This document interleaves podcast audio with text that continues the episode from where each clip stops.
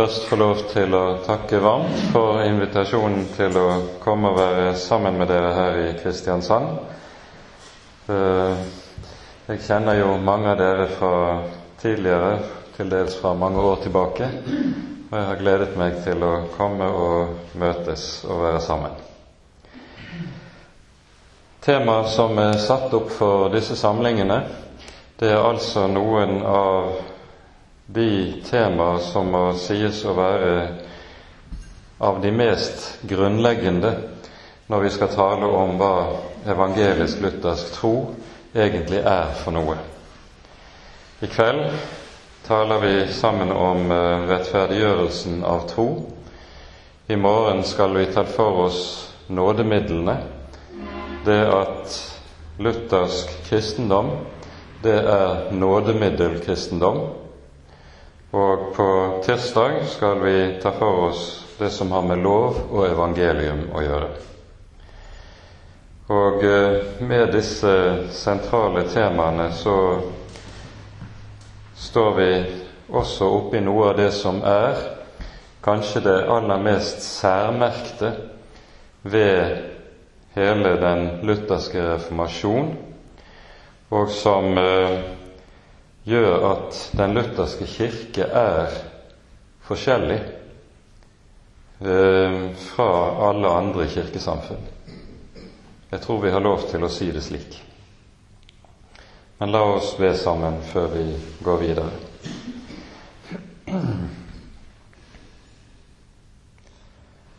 Kjære gode Herre, så kommer vi til deg og påkaller ditt hellige navn. Send din ånd, gi oss lys i dine ord. Og vil du, Herre, la ordet ditt komme og gjøre sin gjerning i våre liv. Amen.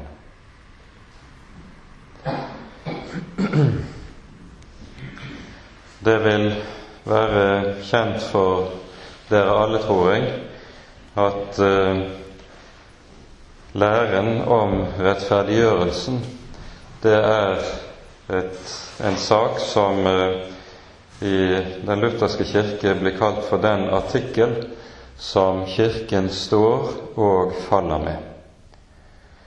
Hvilket altså innebærer at eh, dersom dette, denne hovedsak er på plass, da faller likesom alt annet på plass i troen. Men der dette eh, oppløses eller faller bort, der kommer alt annet også i ugreie på troens område og i troens liv. Kirken står og faller med denne hovedsak. Samtidig vil alle også vite at det var nettopp her at på denne sak vi fant begynnelsen til den store kirkesplittelsen som eh, skjedde i den vestlige kristenhet på 1500-tallet. Det hele starter med ett menneskes nød, med ett menneskes kamp med Gud. Martin Luther, doktor i teologien, professor i Det gamle testamentet,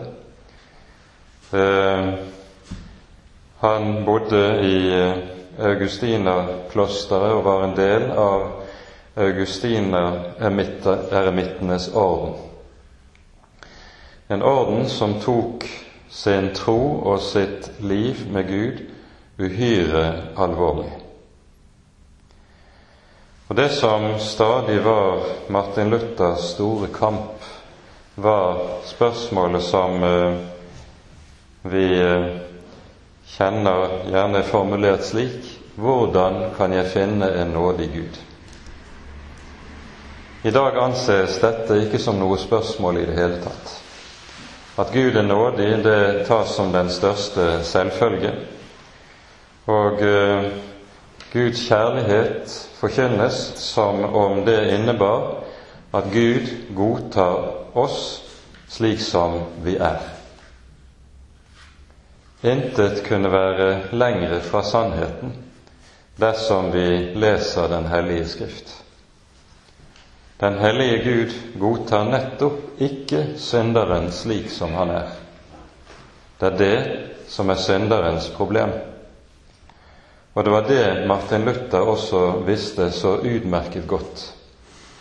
Han sto der overfor den hellige Gud, en Gud som har åpenbart sin hellighet gjennom sin hellige lov, en hellighet som innebærer at Gud krever hellighet av deg og av meg for å kunne ha med oss å gjøre. Uten at du og jeg blir hellige, kan vi ikke ha med den hellige Gud å gjøre. Uten at du og jeg blir hellige, så må vi få gå i møte med den levende Gud. Dette visste Luther. Og det som var Luthers store nød, det var jo dermed også den kamp han med dette ble drevet inn i for å bli et annet menneske, for å kunne bli slik Gud ville, og slik Gud krevet det. Og det han hadde lært i, gjennom sin opplæring innenfor den katolske kirke, det var at dersom en angret rett, da ville Gud rekke en sin nåde. Disse, denne nåden kom til en gjennom Kirkens sakramenter, og ved hjelp av de nådekrefter som en da fikk del i, vil en også få styrke til gradvis å forandre seg og bli et Gud velbehagelig menneske. Luthers problem var at han kunne ikke engang angre som han skulle. For i katolsk tenkning så var det slik og er det fortsatt for så vidt òg, at man skilte mellom to slags anger. Det kunne være anger av kjærlighet til Gud, og det kunne være anger av frykt for Gud. Og så stilte en spørsmålet hvilken anger er det som berettiger til å motta nåden? Jo, det er angeren som kommer av kjærlighet til Gud. Den anger som kommer av angst for Gud, angst for dommen, det er ikke en rett anger som berettiger til nåde. Og så kjemper Luther under dette trykk. Han klarer ikke å angre rett. Og hvordan kan han da tro at han skal kunne motta nåde fra Gud. Her må vi kanskje i parentes også føye til at nettopp denne problemstillingen den dukker opp igjen med pietismen. For når man i pietismen taler om nådens ordning eller saliggjørelsens ordning, så hører en ofte at denne formuleres på en slik måte at for at et menneske skal være rett omvendt, så må det ha gjennomgått bestemte stadier, og disse stadiene må være gjennomlevet på rett måte. Først Det første stadiet er jo nettopp den rette anger og den rette bot. Og så stilles spørsmålet skarpt har du angret rett? Den som er sann, vet at han ikke har angret rett. Og det var dette som var Luthers nød, og som til tider grep han med en slik fortvilelse at det nærmet seg nesten vanvidde. Hvordan kan jeg angre rett? Han kunne ikke angre rett. Sammen med dette hørte en annen sak som han også hadde lært gjennom sin katolske teologi. Nemlig at evangeliet, slik vi møter det i Det nye testamentet, det er en ny lov. det er noe som eh, vi skal tale mer om på tirsdag når vi skal tale om lov og evangelium. Men saken er jo den at i katolsk teologi så skilles det ikke mellom loven og evangeliet. I stedet tenkte og tenker den romerske teologi slik at i Det gamle testamentet har Moses åpenbart sin Guds hellige lov, og så kommer Jesus med evangeliet, og det er den nye lov, nova lex, som det gjerne kalles på latin. Og denne nye lov, den utvider og fordyper kravene i Moseloven, slik at Jesus dermed skjules som frelser. Han blir primært lovgiver. Luther kan, når han ser tilbake og forteller om uh, sin erfaring i disse årene i kamp og nød, fortelle at han tidvis i sin fortvilelse var drevet så langt at han ikke bare var vred på Gud, men han kunne hate Gud. For hvordan kunne det være at Gud kommer med sin hellige lov og truer med å fordømme til evig fortapelse dersom mennesket ikke oppfyller loven, men attpåtil så i neste omgang sender sin sønn og gjør dette krav ytterligere stramt, ytterligere vanskelig. Et av de skriftord som Luther særlig taler om, voldte ham svær nød. Det var ordene i Romerbrevets innledning, der eh, vi leser følgende Jeg skammer meg ikke over evangeliet, for det er en Guds kraft til frelse for hver den som tror, både for jøde først og så for greker. For i det åpenbares Guds rettferdighet av tro til tro, som det står skrevet. Her sies det altså at i evangeliet åpenbares Guds rettferdighet. Det som var Luthers problem, slik han selv forteller det ved en rekke anledninger, det var at når han leste ordet rettferdighet, så forsto han det på samme måte som vi gjerne forstår ordet i vår dagligtale. Når vi sier at en dommer er rettferdig, så mener vi med det at han er upartisk, han ikke tar hensyn til det ene eller det annet, men han dømmer rett etter det som er lov, hva loven sier. Og hvis evangeliet slik åpenbarer Guds dømmende rettferdighet, da kan jo evangeliet ikke være et trøsterikt ord. Og så volder dette Luther den dypeste nød. Og så er det altså antagelig i 1517 det er Luther selv som tidfester det til dette året, at Luther sitter alene over romerbrevet på sin celle og basker nettopp med Romerbrevets første kapittel. Kanskje er det i en sen kveldsstund han har kommet tilbake på sin celle etter å ha bedt kompletoriet aftenbønnen,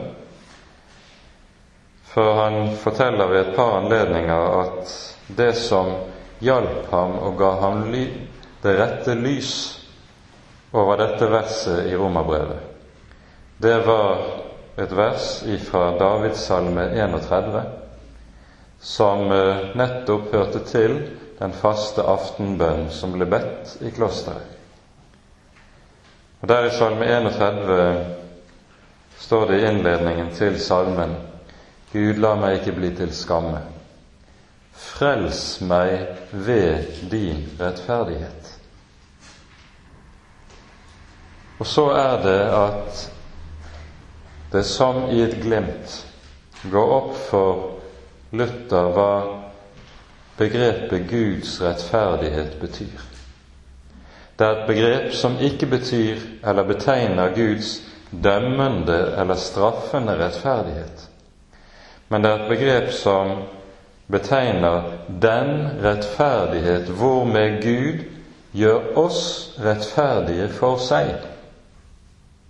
Det er altså et ord som har en helt annen betydning enn det han tidligere har lest inn i teksten.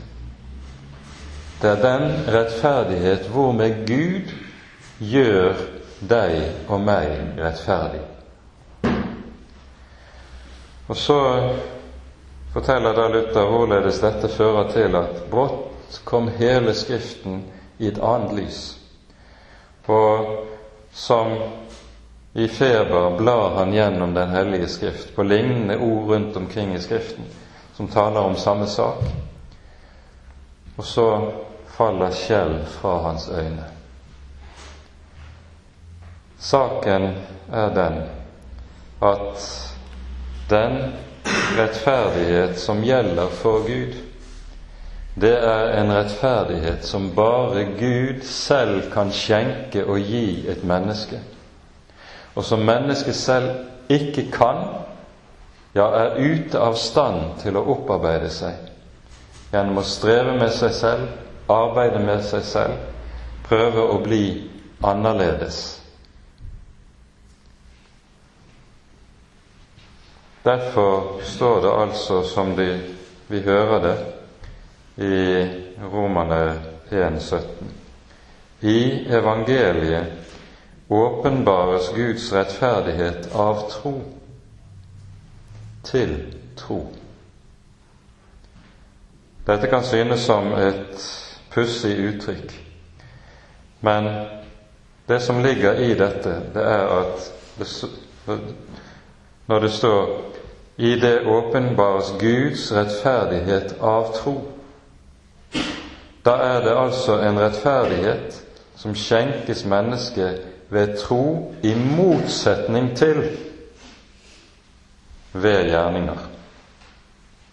I motsetning til ved gjerninger. Og så står det altså av tro til tro. Poenget er at der dette evangelium lyder og forkynnes slik, der skaper det troen. Det er en rettferdighet som er av tro, ikke av lovgjerninger. Og der dette forkynnes og bæres frem på rette vis, der skaper det troen hos de som hører det. Dette skal vi tale mer om også i morgen. Med dette så kommer romerbrevet til å bli Luthers kjæreste lesning. Og han eh, kan få et vers som det vi leser i det fjerde kapittelet i romerbrevet, uendelig kjært. Den derimot som ikke har gjerninger, men tror på Ham som rettferdiggjør den ugudelige han får sin tro tilregnet som rettferdighet.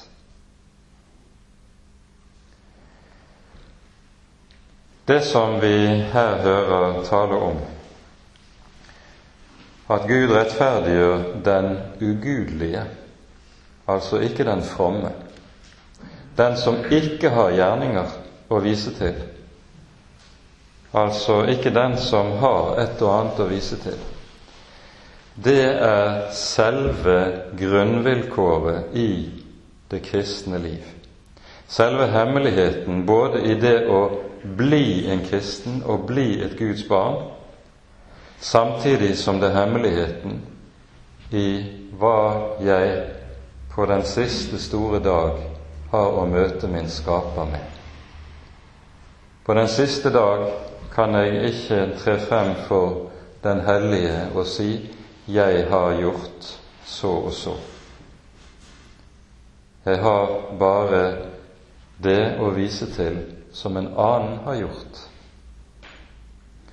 Når det er tale om nemlig rettferdiggjørelsen av tro, så er det tale om et verk som Gud gjør i og for en troende, for et menneske.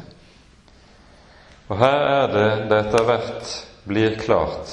Det tar tid før Luther og med ham hans venner eh, innser rekkevidden av hva dette innebærer eh, teologisk, og hvilke konsekvenser dette får på ulike områder av tro og kirkelig liv.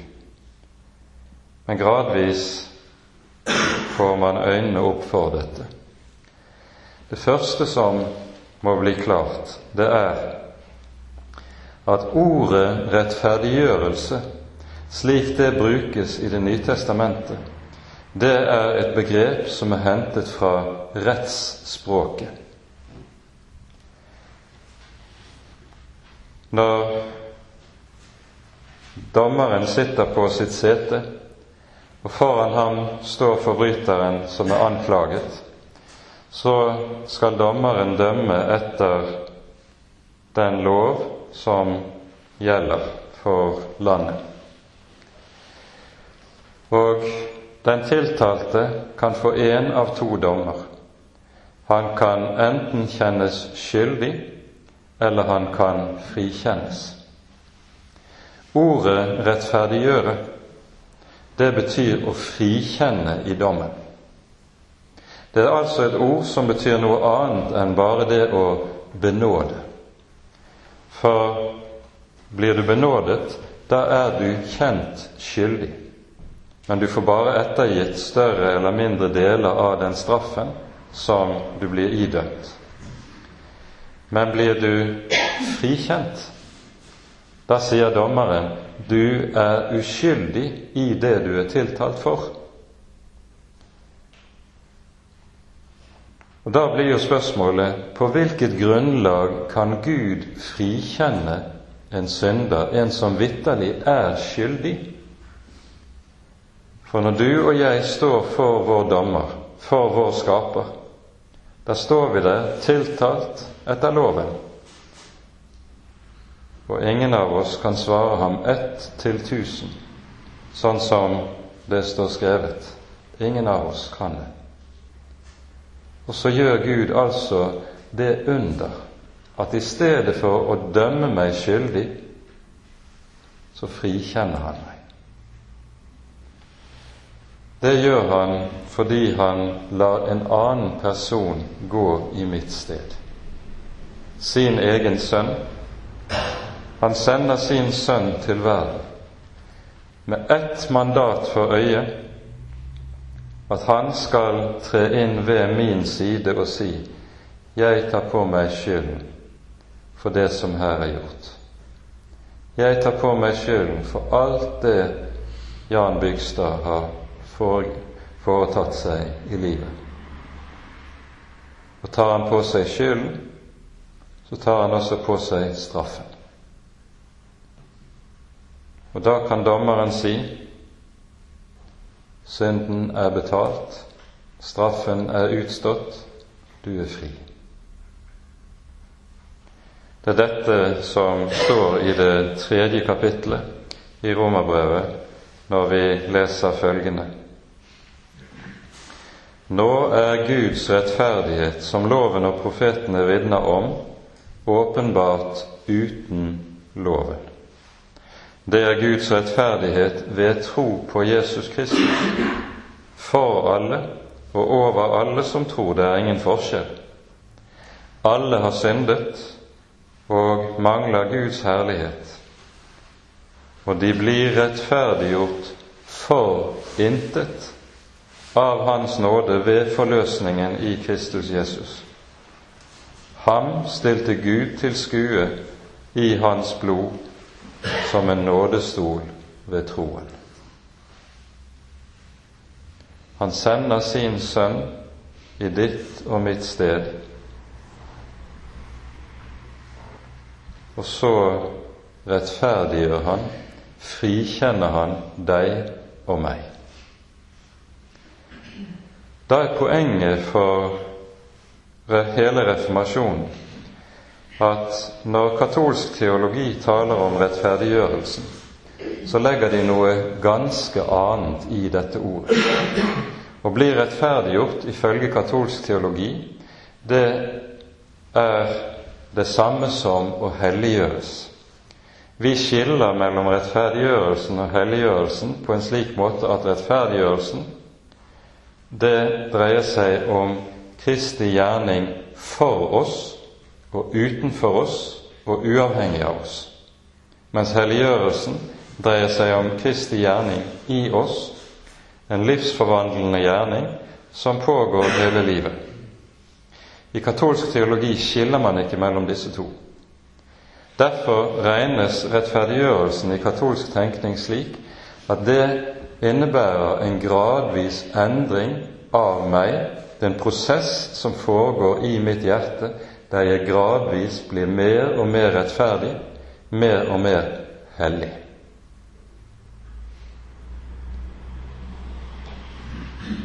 Dette betyr jo også at et menneske aldri vil kunne være fullkomment rettferdiggjort i henhold til katolsk teologi. Det vil bare være rettferdiggjort i samme utstrekning som det er helliggjort. Og Nettopp dette kommer til syne ved den romersk-katolske læren om skjærsilden. Den er meget viktig å være oppmerksom på. For hva er det katolsk tenkning om skjærsilden dreier seg om? Jo, det dreier seg om dette at den dagen du og jeg legges i grav, så vil det fortsatt være en god del synd tilbake i oss, selv om vi har levet et langt liv som kristne. Og denne synd som er tilbake når vi dør, den må vi også renses fra. Den må vi også lutres fra før vi kan nå til den evige salighet. Og det er nettopp det skjærsilden dreier seg om. Det handler om at du må renses fra all den synd som fortsatt er tilbake i deg, før du kan nå til den evige salighet. Til dette svarer den hellige Skrift, og dermed også Martin Luther. For hele hans tenkning her, det er jo intet annet enn utleggelse av Skriften. Til dette svares det Min rettferdighet for Gud er fullkommen. Fordi min rettferdighet for Gud, det er ikke en kvalitet ved meg. Det er ikke en prosess som foregår i mitt hjerte. Nei, min rettferdighet for Gud er en person. Det er Jesus som er min rettferdighet for Gud. Og er Jesus rettferdig? Er Jesus hellig? Han er den syndfrie. Han er den som aldri falt, men som er fullkommen i hellighet i Guds øyne. Og det at du og jeg blir rettferdiggjort, det betyr helt konkret at Jesus er min hellighet. Jesus er min renhet. Så den dagen jeg skal møte min skaper, så kan jeg vite jeg er fullkomment ren i Kristus. Ikke i meg selv, men jeg er det i Kristus. For det er Han som er min tro og mitt liv. Det er Han jeg holder meg til. Og det å være et Guds barn, det å være en kristen, det er å leve på det som en annen har gjort, nemlig Guds sønn. Ikke det som jeg selv har gjort eller kan få til. Sammen med det som vi her er inne på, så er det et annet ord som etter hvert kommer til å bli klarere og klarere når det gjelder betydning for reformasjonsfedrene, og det er ordet nåde. Det er ofte det sies eh, slik at vi lutheranere vi tror at vi blir frelst av nåde, mens katolikkene lærer at de blir frelst av nåde pluss gjerninger. Det er noe som en katolikk vil protestere heftig mot. Han vil tvert om si at den katolske kirke lærer også at du frelses av bare nåde. Akkurat som vi vil si det. Ja, hva er da forskjellen? Jo, forskjellen består i at også på dette området betyr ordene helt forskjellige ting. Den katolske kirke mener noe helt annet med ordet nåde enn det vi vil si, og det som vår bibel lærer oss. For på ny handler det her i dette stykket om skriftutleggelse. Hva betyr ordene som Den hellige skrift anvender? Slik som romersk-katolsk tenkning legger dette frem, så sier man nåden, det er en kraft som Gud inngyter i mitt hjerte, og som hjelper meg til å bli et annet menneske. Og denne nådekraften kommer inn i mitt hjerte når jeg bruker Kirkens sakramenter. Det er gjennom Kirkens sakramenter, eh, og da ganske særlig skriftemålet og nadværen, men også de øvrige sakramentene. Det er disse nådekreftene som hjelper meg til å bli et hellig menneske. I Det nye testamentet så er det slik at ordet nåde slett ikke har en slik betydning. Nåden betegner ikke en kraft som utgytes over mitt hjerte. Men nåden er det sinn, det hjertelag Gud har overfor meg, og som Han viser meg når Han rekker meg og gir meg sin sønn som gave ved troen. Her har vi en fin salme om dette i sangboken av Rosenius, som eh, heter Som begynner med ordene 'På nåden i mitt hjerte'. En tid jeg støttet meg. Og så kommer det i de påfølgende versene på nåden i Guds hjerte. For dette er den store forskjell. I katolsk tenkning så er det nåden i mitt hjerte et menneske skal lite på. Hvilket også innebærer at en, om en skal vurdere hvorvidt en er Guds barn eller ei, så begynner en å grave i sitt eget hjerte. Mens for en evangelisk luthersk kristen så vil det være slik at jo mer han graver i sitt eget hjerte for å finne troen, for å finne bevis der inne på at jeg er et Guds barn, jo mer grunn er det til fortvilelse. For hva finner jeg når jeg ser i meg selv? intet annet enn meg selv. Det som er livet for en evangelisk luthersk kristen, det er å rette blikket en annen vei, ikke mot mitt eget hjerte, men rette blikket mot Kristus og Guds løfter i Kristus, i evangeliet. For saken er den det er evangeliet som rekker meg Jesus. Det er evangeliet som åpenbarer Kristus for meg. Får jeg lov til å se, høre, feste blikket på evangeliet, da kommer troens frimodighet. Men fester jeg blikket på meg selv, da får jeg all grunn til å være fortvilet. Til å miste motet. Til å ende opp i mørke og motløshet.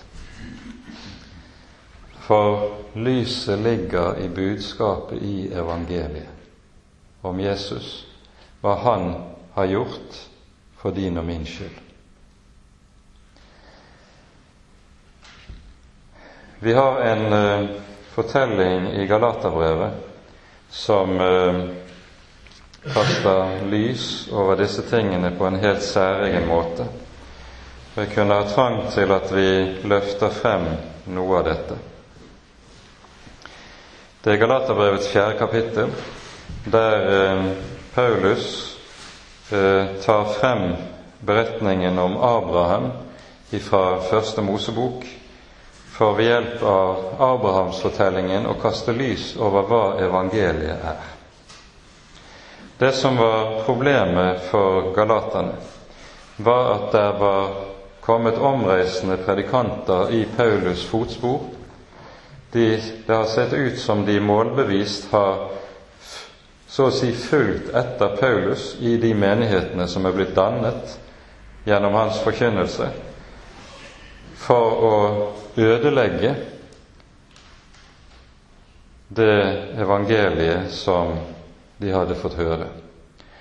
Disse predikantene kalles gjerne for judaister, og det som kjennetegner dem, det er at de krevet at de kristne, for å være rette kristne, måtte de legge seg inn under loven. Og så er det Galaterbrevet da skrives for å hjelpe disse til å gjøre opp med denne lovtrelldom som de dermed sto i fare for å komme inn i. Og Så leser vi fra Galatane 4 følgende. Si meg, dere som vil være under loven, hører dere ikke loven? Det står jo skrevet at Abraham hadde to sønner, en med trellkvinnen og en med den frie kvinne. Trellkvinnens sønn ble født etter kjødet, men den frie kvinnes sønn ble født på grunn av løftet. I dette ligger det en dypere mening under.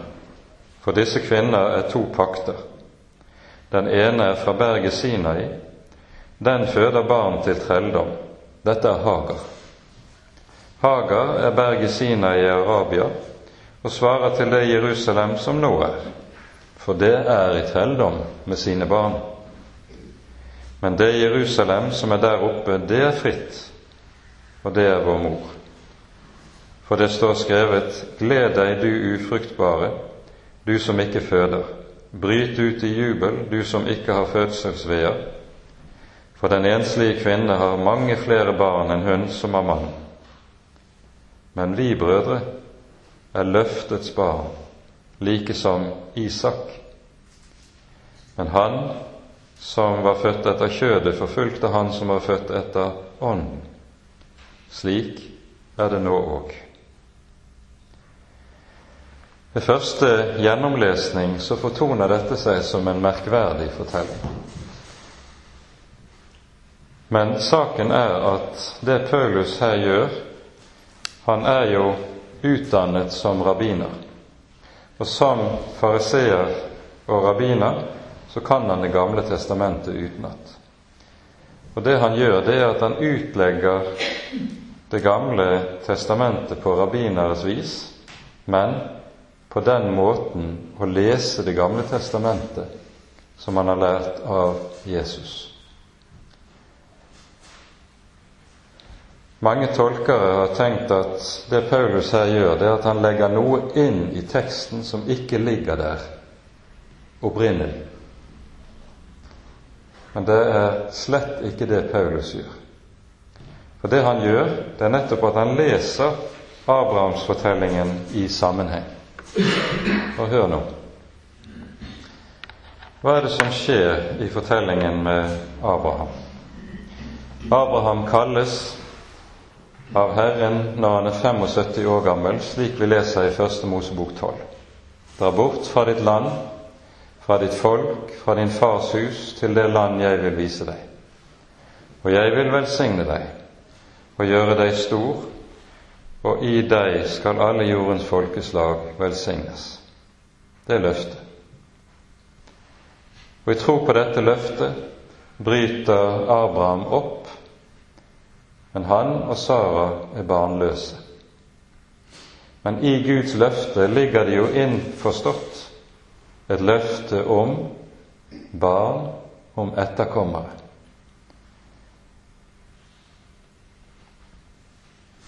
Så bryter Abraham opp, kommer til det lovede land, og Herren åpenbarer seg for ham og sier, Deg og din ett vil jeg gi dette land. Og så skulle du vente at så ville Abraham og Sara få det barnet, sønnen, som de har håpet på og fått løfte om. Men det får de ikke. Det ene år følger på det andre, og de ser ikke det minste tegn til at Herren vil oppfylle sitt løfte. Og når Abraham er blitt 85 år gammel, så vet han meget godt hvis tiden går lenger nå, så blir det umulig at Guds løfte kan oppfylles. Jeg er en gammel mann. Og så er det tankene svirrer, og han tenker vel antagelig så Kanskje Gud har ment at de skulle gjøre noe selv. Og som tenkt, så gjort. Han tar seg en medhustru, for eh, det var noe som slett ikke var sett på som usedelig i samtiden. Dersom eh, en manns hustru ikke fikk barn, så var det helt legalt å ta en medhustru for å få arvinger.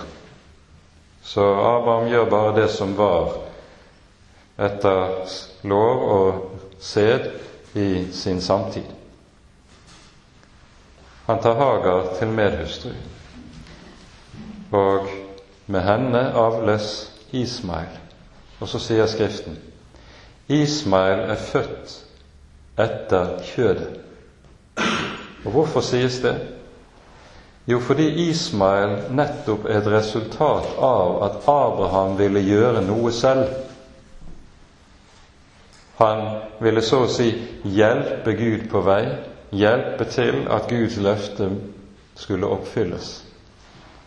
Så fødes Ismael, men Ismael er født etter kjødet. Og derfor er Ismael i trelldom. Så går årene. Abraham blir 99, Sara 89, og begge to er fysisk ute av stand til å avle barn. Da kommer Herren til ham og sier, ved denne tid neste år skal Sara ha en sønn. Hva er Abrahams reaksjon? Han ler. Dette er umulig. Ja, det er umulig. For hele poenget er at Gud venter med å oppfylle sitt løfte til det er menneskelig umulig, for at det skal bli helt klart at det som her skjer når Isak fødes, det er et resultat av Guds gjerning og Guds inngrep. Det er ikke et resultat av at Abraham har villet gjøre noe på egen hånd. Og Derfor sier Skriften Isak er født ifølge løftet. Altså, du har to sønner, Ismael og Isak. Den ene født etter kjødet, et resultat av de har gjort noe selv. Isak, født ifølge løftet, Gud har gjort det som menneskelig talt var umulig. Når Paulus henter frem denne fortellingen fra Det gamle testamentet, så er det for å bruke det som en illustrasjon på at det er to slags kristendom. Det er en type som kalles kristendom, men som bare er det i anførselstegn nemlig resultat av at jeg har gjort noe selv. Det er kristendom som er født etter kjødet. Det er kristendom som er lovtrelldom. Det er under loven. Så er det den annen slags kristendom som er født etter løftet. Født ut av at Gud har grepet inn og gjort noe der det var menneskelig talt umulig.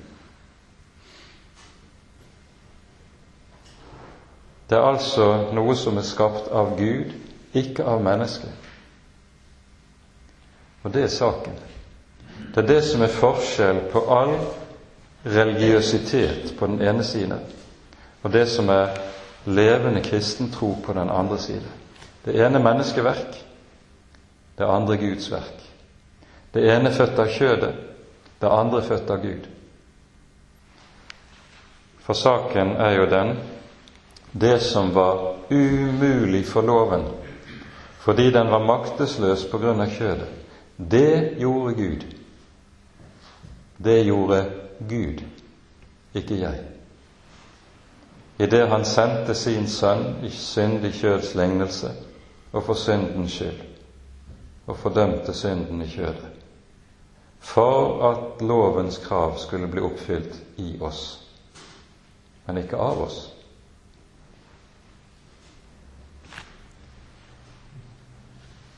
På denne måten så klargjør apostelen meget tydelig hva det er å være et Guds barn. Det er noe som er født ut av Guds eget, egen hånd, av Guds eget gjerning. Når reformasjonsfedrene skal systematisere dette, så bruker de noen uh, viktige begreper som det kan være nyttig å være klar over. De skiller mellom det som kalles for syndergisme og monergisme. Hva er syndergisme? Det kommer av gresk synd, som betyr 'sammen med', og ergisme, ergein, er det greske verbet som betyr å handle eller gjøre. Synergisme, det er betegna samarbeid. Og Synergismen den lærer at frelsen på ulike vis er et samarbeid mellom Gud og meg. Jeg gjør noe, Gud gjør noe. Jeg gjør det jeg kan, og så gjør Gud det jeg ikke makter. Og slik så blir frelsen et samarbeid. Og vi forstår ut fra beretningen om Isak og Ismael at kristen tro det er monergisme. Det hviler på at hele frelsen fullbyrdes av én part, én person, og aldri er et samarbeid. Det er noe som Gud utfører, ikke jeg. Og han vil ikke ha noen innblanding fra min side, noe medarbeiderskap fra min side på dette området. Han gjør det alene. Han fullbyrder frelsen uten meg, uavhengig av meg og utenfor meg, ved sin sønn. Og derfor kan vi understreke på ny det som eh, også står skrevet hos profeten Jeremia. Min rettferdighet for Gud er en person. Hos Jeremia er dette sagt på dette vis.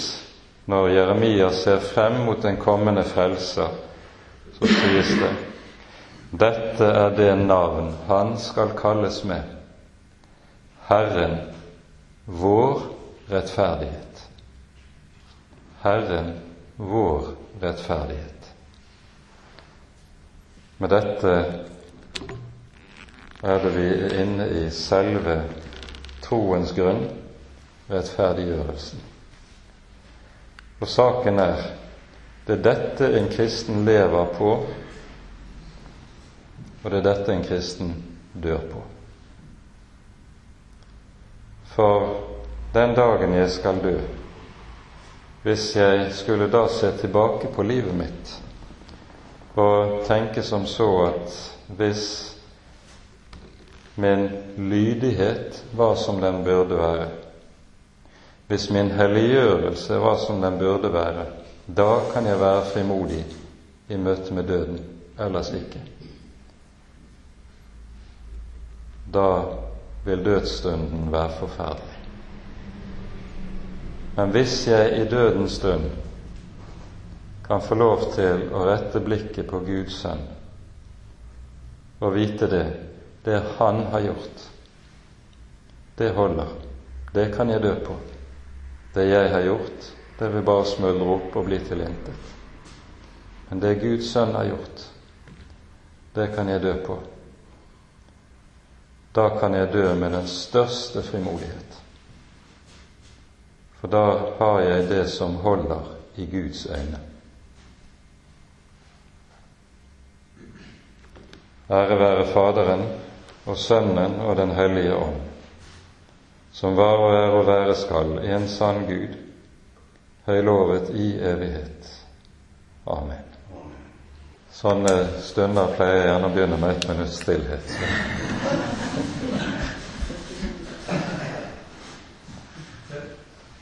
Det var noe som eh, grep tak i, det var dette du sa. Hvordan kan jeg angre rett? Kan du hjelpe oss å fordype oss litt i hva vi kan gjøre for å se på dette?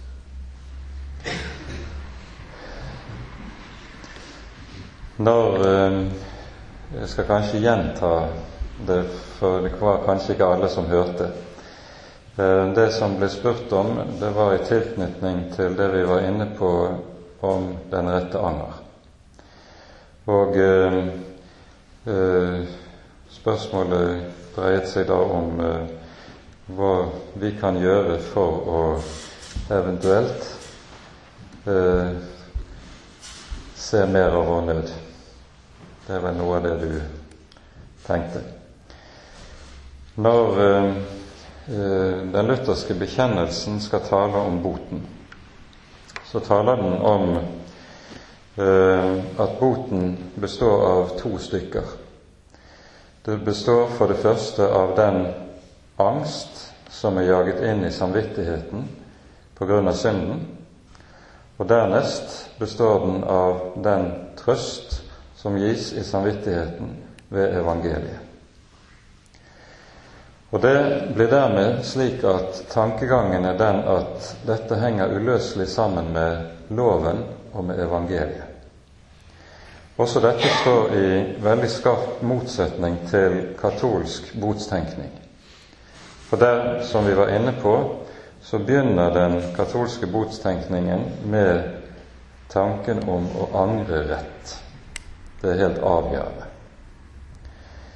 Eh, og Luther i sin kamp må etter hvert se i øynene han er ute av stand til å angre rett. Og det er det som er vår faktiske nød. Det er at vel er vi fulle av synd, og synden er langt større og har langt større makt over oss enn vi ofte er i stand til å se.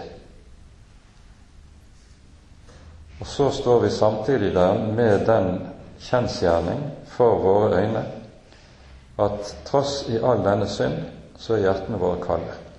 Vi gråter ikke over synd. Det er såre lite av anger og nød over synden i våre liv. Av og til kan vi bli meget forskrekket over oss selv, men det er helst hvis andre mennesker får greie på bestemte synder som jeg er skyldig i. Men da er det det at andre har fått rede på hvordan jeg er, som skaper angsten. Ikke at jeg faktisk står overfor den levende Gud, som for hvem det ikke er noe som er skjult. Han kjenner meg til det innerste. Og Det som vi da skal vite, tror jeg, det er to ting. For det første at vi kan aldri angre rett. Vi har det, for å si det sånn som en av mine gamle åndelige fedre sa det, han formulerte det slik Vi har det alltid galt på gal måte. Vi har det alltid galt på gal måte. Ja, vi har vår anger, men angeren er ikke riktig. Vi har vår følelse av synd, men fornemmelsen av synd er ikke dyp nok. Og så blir liksom selv det blir ikke sånn som det skal være. Jeg kan ikke engang rose meg overfor Gud over min syndenød. Jeg har det alltid galt på gal måte. Og Det tror jeg er en del av det som er vår faktiske situasjon som syndere. Vi, når vi søker etter å finne noe i oss selv som holder mål, så sørger Gud ved sin Hellige Ånd for at eh, vi stadig avsløres, selv ikke vår syndenød og vår anger holder prøve. Og Dette er for at vi ikke skal ha noe å trøste oss til i oss selv og i vårt eget hjerte. Jeg tror dette er Guds viselige styre med oss for at vi ikke skal trøste oss til noe i oss selv. Vi er kastet på noe som ligger utenfor oss selv, nemlig i en annen person. Det er det første vi skal vite. Men samtidig så står det også der det som eh, du er inne på, og som er noe av vår nød. David ber i Salme 139.: Ransak meg, Gud, og kjenn mitt hjerte. Prøv meg og kjenn mine mangehånde tanker, og se om jeg er på fortapelsens vei, og led meg på evighetens vei. Det er en bønn en kristen bør be ofte for sitt eget vedkommende. Søndag om en uke er det bots- og bededag. Da bør den bønnen være en bønn som står der meget sterkt og bevisst for hvert enkelt troende menneske. Dernest er det jo også slik at det som har vært en gammel praksis blant troende mennesker, det er at man bruker de ti bud som et speil til selvprøvelse. Og det er noe som vi eh, Det er sunt for oss å gjøre. Det er en øvelse vi har godt av å gjøre med jevne mellomrom. Hente frem de ti bud, gjerne i form av et skriftespeil, der budene også er konkretisert og utlagt sånn at det går inn i det som tydelig er inn i vår hverdag, og så kan vi prøve oss selv på slike ting. Det er noe som er sunt å gjøre med jevne mellomrom. Men midt oppi alt dette så må vi altså vite at vi har det alltid galt på gal måte.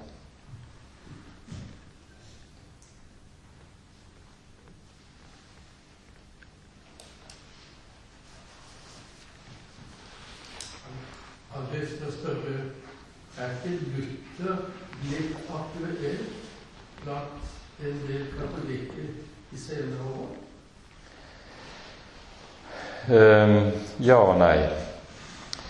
Uh, det er jo slik at hvis du ser på uh, årene etter reformasjonen, og for så vidt de 400 årene helt opp til eh, det 20. århundre, så var det jo på det vis at Luther aldri ble tatt på alvor.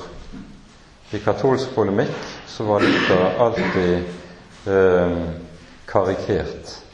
Man på en måte tok ikke Luthers teologi og det han faktisk sto for, på alvor, men laget vrengebilder av det som var den lutherske tro og tenkning, og så polemiserte man mot vrengebildene. I siste århundre har du fått en katolsk Lutherforskning som på en annen måte tar Luther på alvor.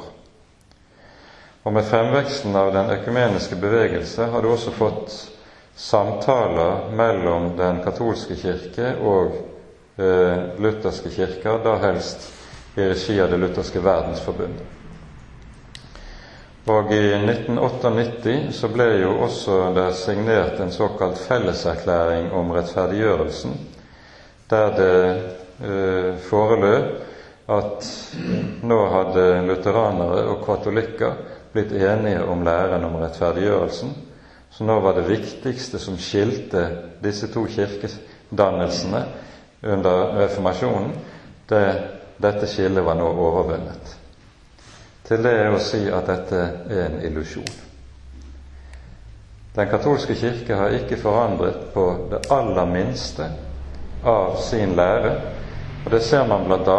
av at uh, et par uker før uh, denne felleserklæringen om rettferdiggjørelsen ble signert, så kom det en uttalelse fra troskongregasjonen i Vatikanet som sa det at eh, man ville signere felleserklæringen på det vilkår at den ikke måtte leses slik at eh, den eh, slo bena under den katolske tenkning om at frelsen besto i et samarbeid mellom Gud og menneske. Og på det vilkår signerte altså Rom denne felleserklæringen. Det som var det, jo var det ulykkelige i hele denne felleserklæringen, var at det var lutheranerne som hadde oppgitt meget av sitt ståsted og tilpasset sin tenkning til eh, katolsk tenkning om rettferdiggjørelsen, mens Rom ikke har forandret det aller minste.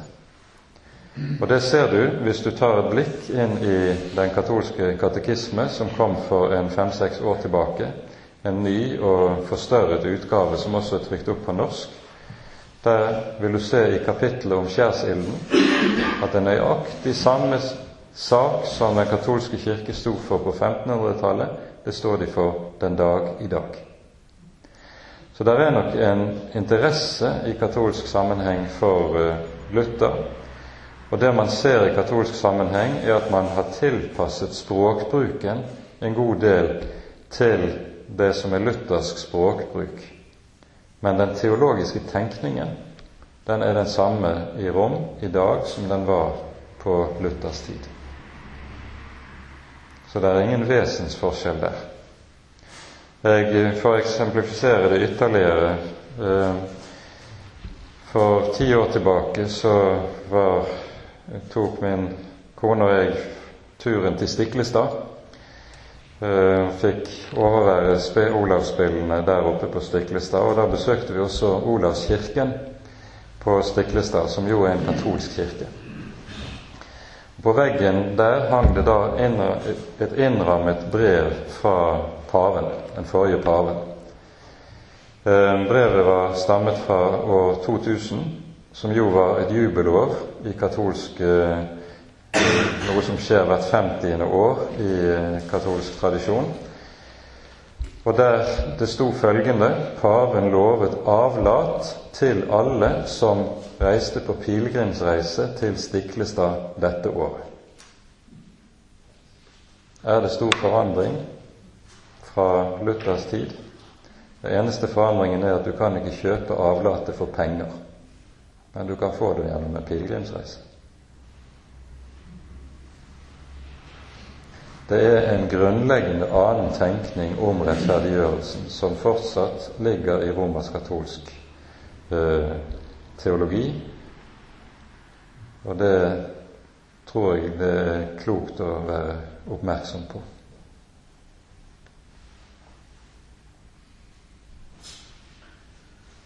Ja, jeg har et spørsmål. Hvorfor er lærespørsmål viktig? Hvorfor er lærespørsmål viktig? Det er et godt spørsmål, og det er et riktig spørsmål. Eh, hvis vi leser brevene i Det nye testamentet, så ser vi at ordet 'lære' det er et ord som dukker opp overmåte hyppig. Og tar du for deg ikke minst pastoralbrevene, altså de to brevene til Timotius og til Titus, så ser vi at det som Paulus legger inn over sine unge medarbeidere som et særlig ansvar, det er å lære og undervise i menighetene. Eh, vi hører også når vi leser evangeliene, stadig at Jesus lærer. Han underviser. Det er et verb som meget hyppig anvendes om den Herre Jesus. Går vi til et viktig avsnitt i eh, Efeserbrevet Jeg tror vi skal lese det i det fjerde kapittelet. Så tror jeg vi der finner det viktigste eh, og beste svaret på dette spørsmålet.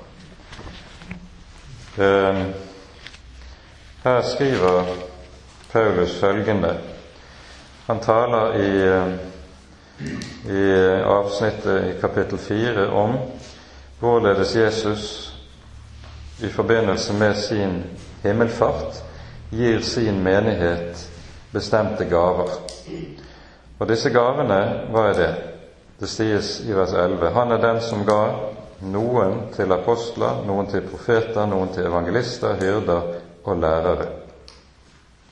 Og så kommer det for at de hellige kunne bli gjort i stand til tjenestegjerning, til oppbyggelse av Kristi legeme, inntil vi alle når fram til enhet i tro på Guds sønn og kjennskap til ham, til manns modenhet og til aldersmålet for Kristi fylde, for at vi ikke lenger skal være småbarn og la oss kaste og drive omkring av lærdoms hver lærdoms vind, ved menneskenes spill og ved kløkt i villfarelsens listige knep.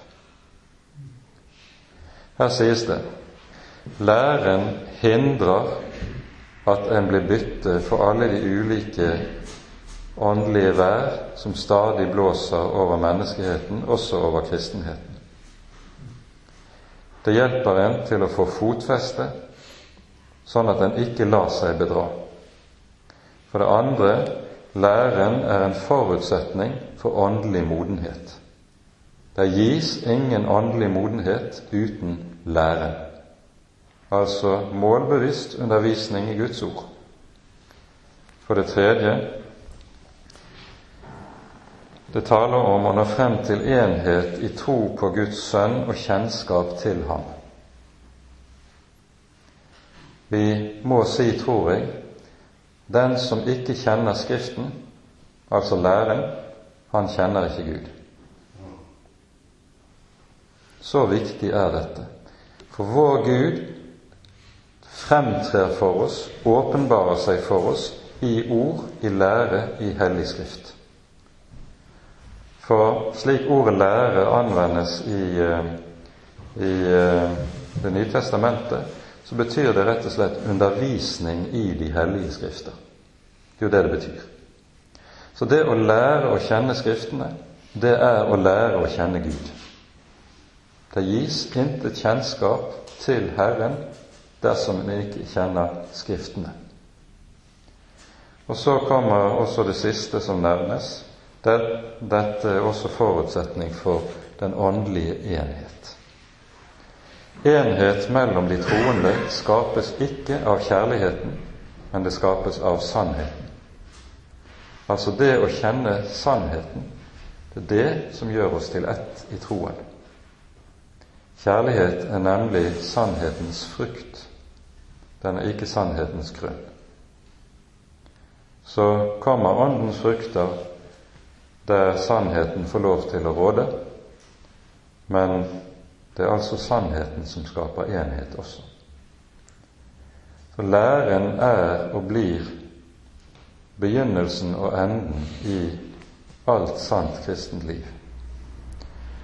Og Dette er jo også det som gjør at mye av det som vi ser skje i dagens kristenhet, er så ulykkelig. Idealet for preken innenfor Den norske kirke er i dag ingen preken lenger enn ti minutter. Hva lærer du i løpet av ti minutter? Svært lite. Fordi forkynnelsen må ha et meget sterkt undervisende element for at den skal kunne nettopp virke sånn som vi har hørt i uh, disse ordene hos Paulus. Blant unge så er idealet den kjappe andakt. Men Den skal helst være meget kjapp. Dette gir overfladiskhet i forhold til det vi har og eier i Den hellige Skrift, og umuliggjør nettopp lære. Og så ser vi dette hører jo med til hele den tid som vi lever i, en tid som er skrekkelig overfladisk. Og denne typen overfladiskhet har i stor utstrekning også trengt inn i kristenheten, slik at Undervisende forkynnelse anses som noe som er tungt, det er kjedelig, man må helst ha noe som har større underholdningsverdi. Dette er en dødslinje dersom det får plass i Guds folk. Læren er helt avgjørende for at Guds folk skal bli bevart. Og ikke minst gjelder dette sånn som Skriften taler om historiens avslutning, der det skal komme mange falske profeter, slik at endog de troende skulle føres vill om det var mulig. Det sies ad, meget sterke og advarende ord fra vår Jesu munn om dette eh, i hans tale om de siste tider og de siste ting. Og kjære venner, vi lever i den siste tid. Vi gjør det. Og der er mange falske profeter ute og løfter røsten. Så læren, den er uomgjengelig nødvendig. Jeg er ikke uenig i noe du har sagt. eh, Det, det, det vet jeg godt. Eh, Men da vil jeg bare ha ett oppfølgingsspørsmål til dette. Hvor kritisk er det at det er, er nesten ingen interesse for lære i kirke og i bedehus i dag? I de fleste forsamlinger. Jeg tror at det, dette er så kritisk, det du påpeker her, at dersom det ikke skjer en omsnuing her på dette området, så vil det åndelige liv komme til å dø ut, enten i form at det rett og slett blir borte, eller i form at, av at det i stedet søker ulike typer surrogater. Du får en art surrogatreligiøsitet som Paulus taler om i en sammenheng. Har Gud fryktighets skinn, skinn, men fornekter dens kraft. Det kan se pent og pyntelig og kristelig ut, men det har svært lite med den gudsfryktens kraft som ligger i at ordet og evangeliet får lov til å være det det er satt til å være.